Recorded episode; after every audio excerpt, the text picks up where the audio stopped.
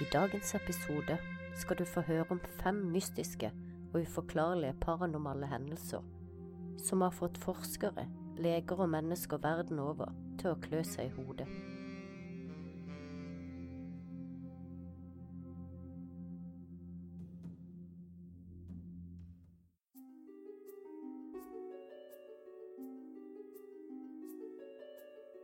Sett deg godt til rette med noe godt i koppen, og bli med inn i mystikk og mysteriers verden.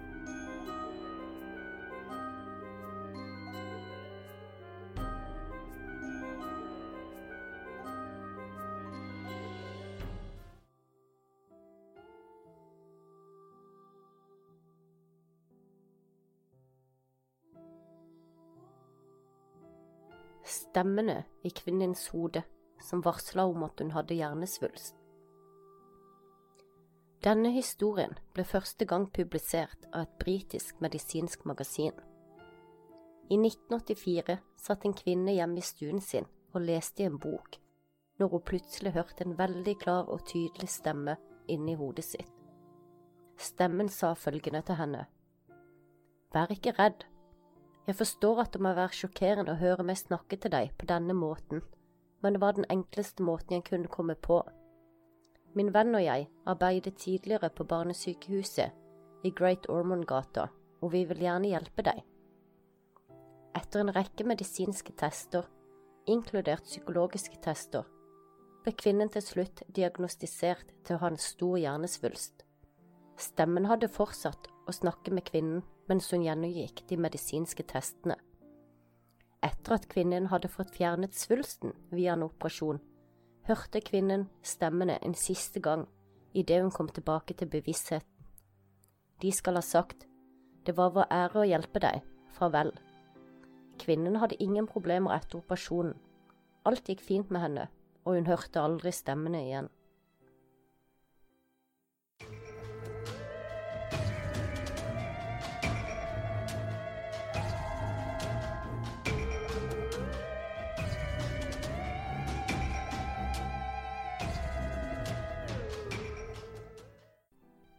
Plystreren Den neste historien fikk nakkehårene til å reise seg. En mann fra Michigan delte sin historie med Reddit, og han har også videobevis av hendelsen. Dette er hans historie. Da jeg var rundt åtte år gammel, var jeg ute på tur med hunden min. Vi gikk gjennom nabolaget sammen med mamma. Vi bodde i nærheten av et skogsområde med svampbunn helt på utkanten av nabolaget vårt i Michigan. Jeg husker at det var stille ute, og det blåste litt. Plutselig hørte vi noen som plystra på oss fra skogsområdet. Det hørtes først ut som en fugl, men for hvert nye plystr som kom, så var det forskjellig nok til at det nå hørtes ut som et menneske. Plystringen ble høyere, og så lavere. Det er vanskelig å forklare. Min mor fikk et bekymra, litt skremt uttrykk i ansiktet, tok meg i hånden og sa at vi skulle forte oss inn. Jeg forsto ikke helt hva som skjedde, for jeg var så ung, men jeg husker at jeg ble redd av å se mamma redd. Men som barn flest glemte jeg etter hvert hendelsen. To år senere var jeg ute på kveldstur med hunden igjen. Vi hadde en stor busk utenfor huset, som lett kunne kamuflert et voksent menneske. Når jeg var nesten ferdig med turen, hørte jeg igjen disse plystrelydene, de samme som jeg hadde hørt to år tidligere og så fort jeg hørte plystringen, fikk jeg frysninger nedover ryggen, og jeg ser for meg mamma to år tidligere, der hun hadde tittet inn i skogen med et skremt uttrykk, uten å kunne se noe eller noen. Jeg kunne heller ikke se noe, så jeg løp inn i huset så fort jeg kunne. Årene gikk, og jeg tenkte mindre og mindre på hendelsen. Jeg fortalte det kun til en håndfull venner, og med tiden forsvant hendelsen fra minnet mitt. Spol frem til forrige sommer. Jeg er nå 24 år og hadde akkurat starta å date kjæresten min, og vi flytta etter hvert til South Dakota, der begge hadde fått arbeid her. På frigjøringsdagen bestemte vi oss for å reise ned til Pierre og se på fyrverkeriet for kanten av Missouri-elva. Det var gratis campingplasser bak et sykehus hvor man kunne slå opp telt, kose seg og se på fyrverkeriet. Vi var helt i enden av campingplassen, og det var veldig få mennesker rundt oss. Og når mørket kom, begynte fyrverkeriet. Fyrverkeriet var langt nok unna til at det ikke lyste opp himmelen så mye på vår side, og vi måtte sitte helt på ytterkanten av elven for å kunne se det. Tordenvær var på vei innover, og en storm var ikke til å unngå. Luften virka elektrisk, og vinden økte stadig. Atmosfæren begynte å bli uhyggelig. Mens jeg og kjæresten min sitter og drikker og prater, hører vi plutselig padlelyder som metodisk padler i vannet. Vi så omrisset av en person i en kano, ca 20 meter ut fra elvekanten. Kjæresten min går for å hente flere øl fra bilen, og etterlater meg alene til å kikke på denne mystiske personen. Og da plutselig plystrer de på meg. Blodet mitt stivna til is, og jeg fikk frysninger over hele kroppen. Det var nøyaktig den samme plystringa jeg hadde hørt i barndommen, mer enn ett tiår tidligere. Jeg kikket på personen i kanoen men det var altfor mørkt til å kunne se hvem det var. Det eneste jeg kunne se, var omrisset av en hatt. Når personen i kanoen var vannrett overfor meg, sluttet vedkommende å padle og snudde kanoen slik at han pekte direkte mot meg og plystret til meg. Jeg var så redd, jeg reiste meg opp og ropte Hvem er du? Personen sa ingenting, plystra et par ganger til før de snudde kanoen 180 grader og padla ut av syne. Jeg er videografer, så jeg hadde allerede kamera ved min side for å filme fyrverkeriet. Når kanoen var nesten ute av syne, tok jeg kameraet mitt og fikk filmet den plystre idet det forsvinner ut av syne. Når kjæresten min kom tilbake etter å ha hentet øl, var hun veldig forvirra over at jeg var helt skrekkslagen. Jeg forklarte henne historien, og hun ble også skremt. Jeg var helt overbevist om at vi begge kom til å bli drept den kvelden. Hvordan kunne denne plystrende personen ha forfulgt meg etter 14 år, og hele veien til South Dakota? Var det tilfeldig? Det er så mange spørsmål som står usvart. Og etter dette har jeg vært livredd for å være ute i mørket, av frykt for å høre plystringen igjen. Nå skal dere få høre opptaket av plystringa som denne gutten fra Missouri gjorde.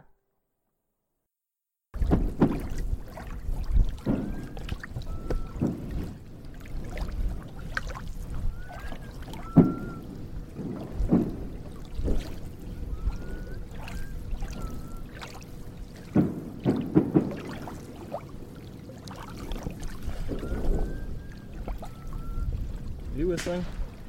Is it you?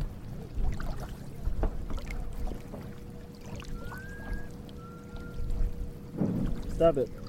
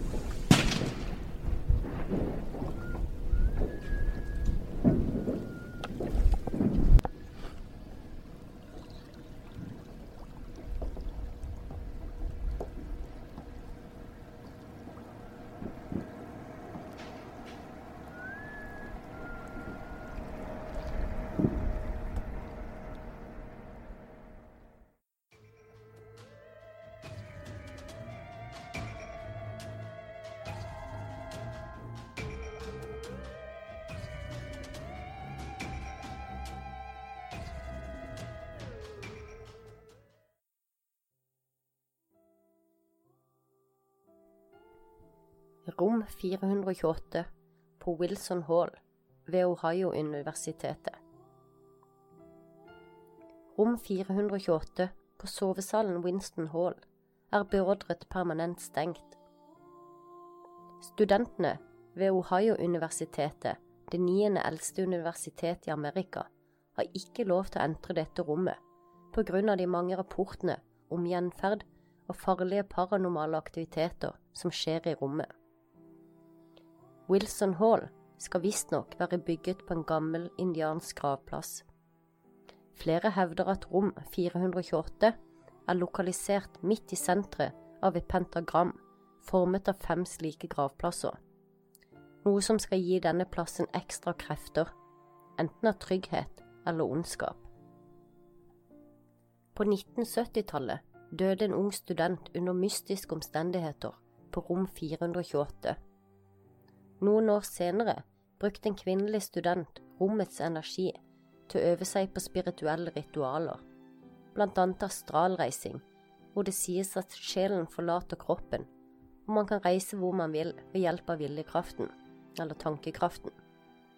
Ikke lenge etter at hun hadde flyttet inn, døde også denne studenten, visstnok etter å ha kuttet over sine egne håndledd. Etter disse to dødsfallene opplevde alle som bodde i rommet, forferdelige og skremmende hendelser til alle døgnets tider. Objekter ble kastet på tvers av rommet og inn i veggen. Studenter hørte både hvisking og roping, selv om det ikke var noen der. Og døren til rommet åpnet og lukket seg ofte på egen hånd. Mange rapporterte også at de så demoniske ansikt i treverket på døren, og selv om skolen byttet ut døren flere ganger, fortsatte de å se det demoniske ansiktet. Til slutt ble rommet for skremmende, og universitetet var redd for at flere studenter skulle dø om de bodde der, så derfor bestemte skolens ledelse at døren skulle forsegles for alltid. Dette er den eneste kjente saken i Amerika hvor et rom i en sovesal på et universitet har blitt avstengt grunn av paranormale hendelser.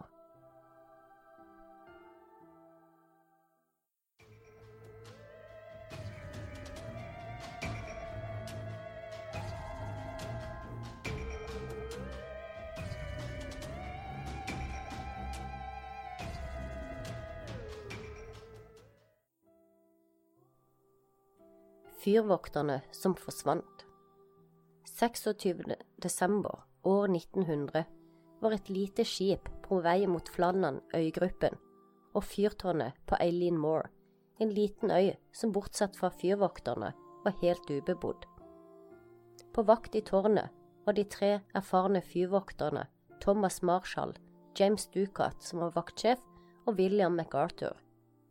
Selv om øyen var ubebodd, har øyen alltid vekket folks interesse den er oppkalt etter det sjette århundres biskop, Sankt Flannen. Han bygde et kapell på den lille øyen, og i flere århundrer har sauegjetere som pleide å bringe sauene over til øyen for å gresse, nektet å overnatte der, av redsel for åndene som er sagt å hjemsøke plassen. Kapteinen James, som hadde ansvar for skipet, hadde med seg fyrvokteren Joseph Moore, som skulle bytte vakt med en av de andre fyrvokterne. Idet de ankret opp, ble kapteinen overrasket over at ingen var der for å ta dem imot. Han durte med båtfløyten og sendte opp et varselskudd for å få oppmerksomheten til fyrvokterne, men ingen responderte. Josef gikk i land og gikk opp de bratte trappene som ledet opp til fyrtårnet. Ifølge Josef hadde han en illevarslende følelse hele veien opp til tårnet. Idet han ankommer, ser han med en gang at noe ikke stemmer. Døren til fyrtårnet var ulåst, og i gangen var to av tre ytterjakker borte. Josef gikk videre inn til kjøkkenet, hvor han fant tallerkener med halvspist mat og en stol som lå veltet, som om noen hadde hoppet opp fra stolene og forsvunnet i full fart. Han merket seg også at kjøkkenklokken hadde stanset. Josef gjennomsøkte hele fyrtårnet men fant ingen tegn til fyrvokterne. Han løp tilbake til skipet for å informere kaptein James. Det ble satt i gang en stor leteaksjon, men ingen ble funnet. Men de fant fyrtårnets loggbok, og de la fort merke til at de siste dagenes notater var veldig merkelige. Den 12. desember hadde Thomas notert i loggen at de hadde enorm vind, en vind så sterk som han aldri hadde sett i sine 20 år til havs. Han noterte også at James, vaktsjefen, var uvanlig stille, Og den tredje assistenten, William, han hadde grått. William var en anerkjent marinesoldat og var berykta for å være en tøffing, så hva fikk han til å gråte? Notater gjort i loggen 13. desember beskrev at stormen fortsatt herja, og at alle tre mennene hadde sittet tett sammen og bedt bønner. Fyrtårnet var helt nytt, og de satt trygt på toppen av fjellet, godt over havnivå, og de var alle tre erfarne fyrvoktere. Hvorfor ble de så redde av en storm? Den siste noteringen som var gjort, var 15. desember, og det eneste som sto der, var stormen er over, Sjøen er rolig, Gud er over alle. Men det som var spesielt, var at på disse dagene som var loggført, så var det ingen storm i området. Det hadde vært fint og rolig vær alle disse dagene. Det er ingen som vet hva som skjedde med fyrvokterne, eller hvor de ble av.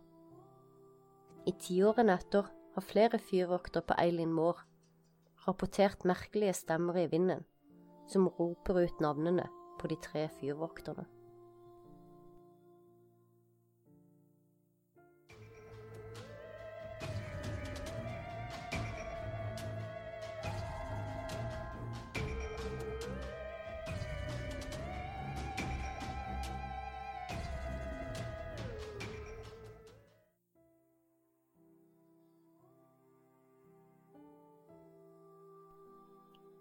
Trompetlydene fra himmelen. The Hum. En mystisk lyd fra himmelen, også kjent som The Hum, har skremt, sjokkert og gitt mennesker verden over søvnløse netter. The Hum ble oppdaget eller hørt for første gang i 1959. Lyden høres ut som et slags orkestertrompet, og har blitt hørt i flere forskjellige land, fra Canada til Ukraina, fra USA til Tyskland og England, i flere år og til alle årets tider. Flere har klart å få videoopptak av lyden, men ingen har klart å finne ut hva som forårsaker lyden. Lyden er fryktelig høy, og på en av videosnuttene kan vi se et barn stå frostfast til gaten og lytte skremt til lyden. Er lyden fra radio- og telefontransmittere som brukes av militæret i kontakt med ubåter, som noen forskere har foreslått? Er det jordens naturlige vibrasjoner som lager disse lydene, slik NASA foreslår? Eller er det romvesener som sender signaler og forsøker å få kontakt med oss? Forskere jobber ennå med å finne ut hva som lager lyden. Så sent som i desember 2017 oppdaget forskere det høm på havet, og de klarte å gjøre et opptak av det. Og kanskje kan dette hjelpe forskerne å finne et svar. Her er noen av opptakene som er gjort verden over og som du kan høre, er det omtrent den samme høye lyden som går igjen i alle landene.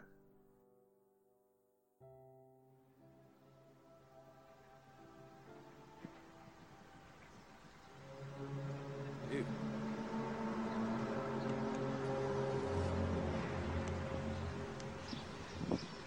you guys hear that?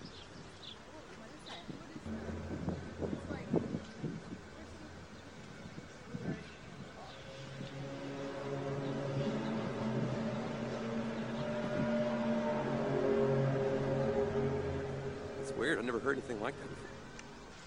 Отойди оттуда, выйди.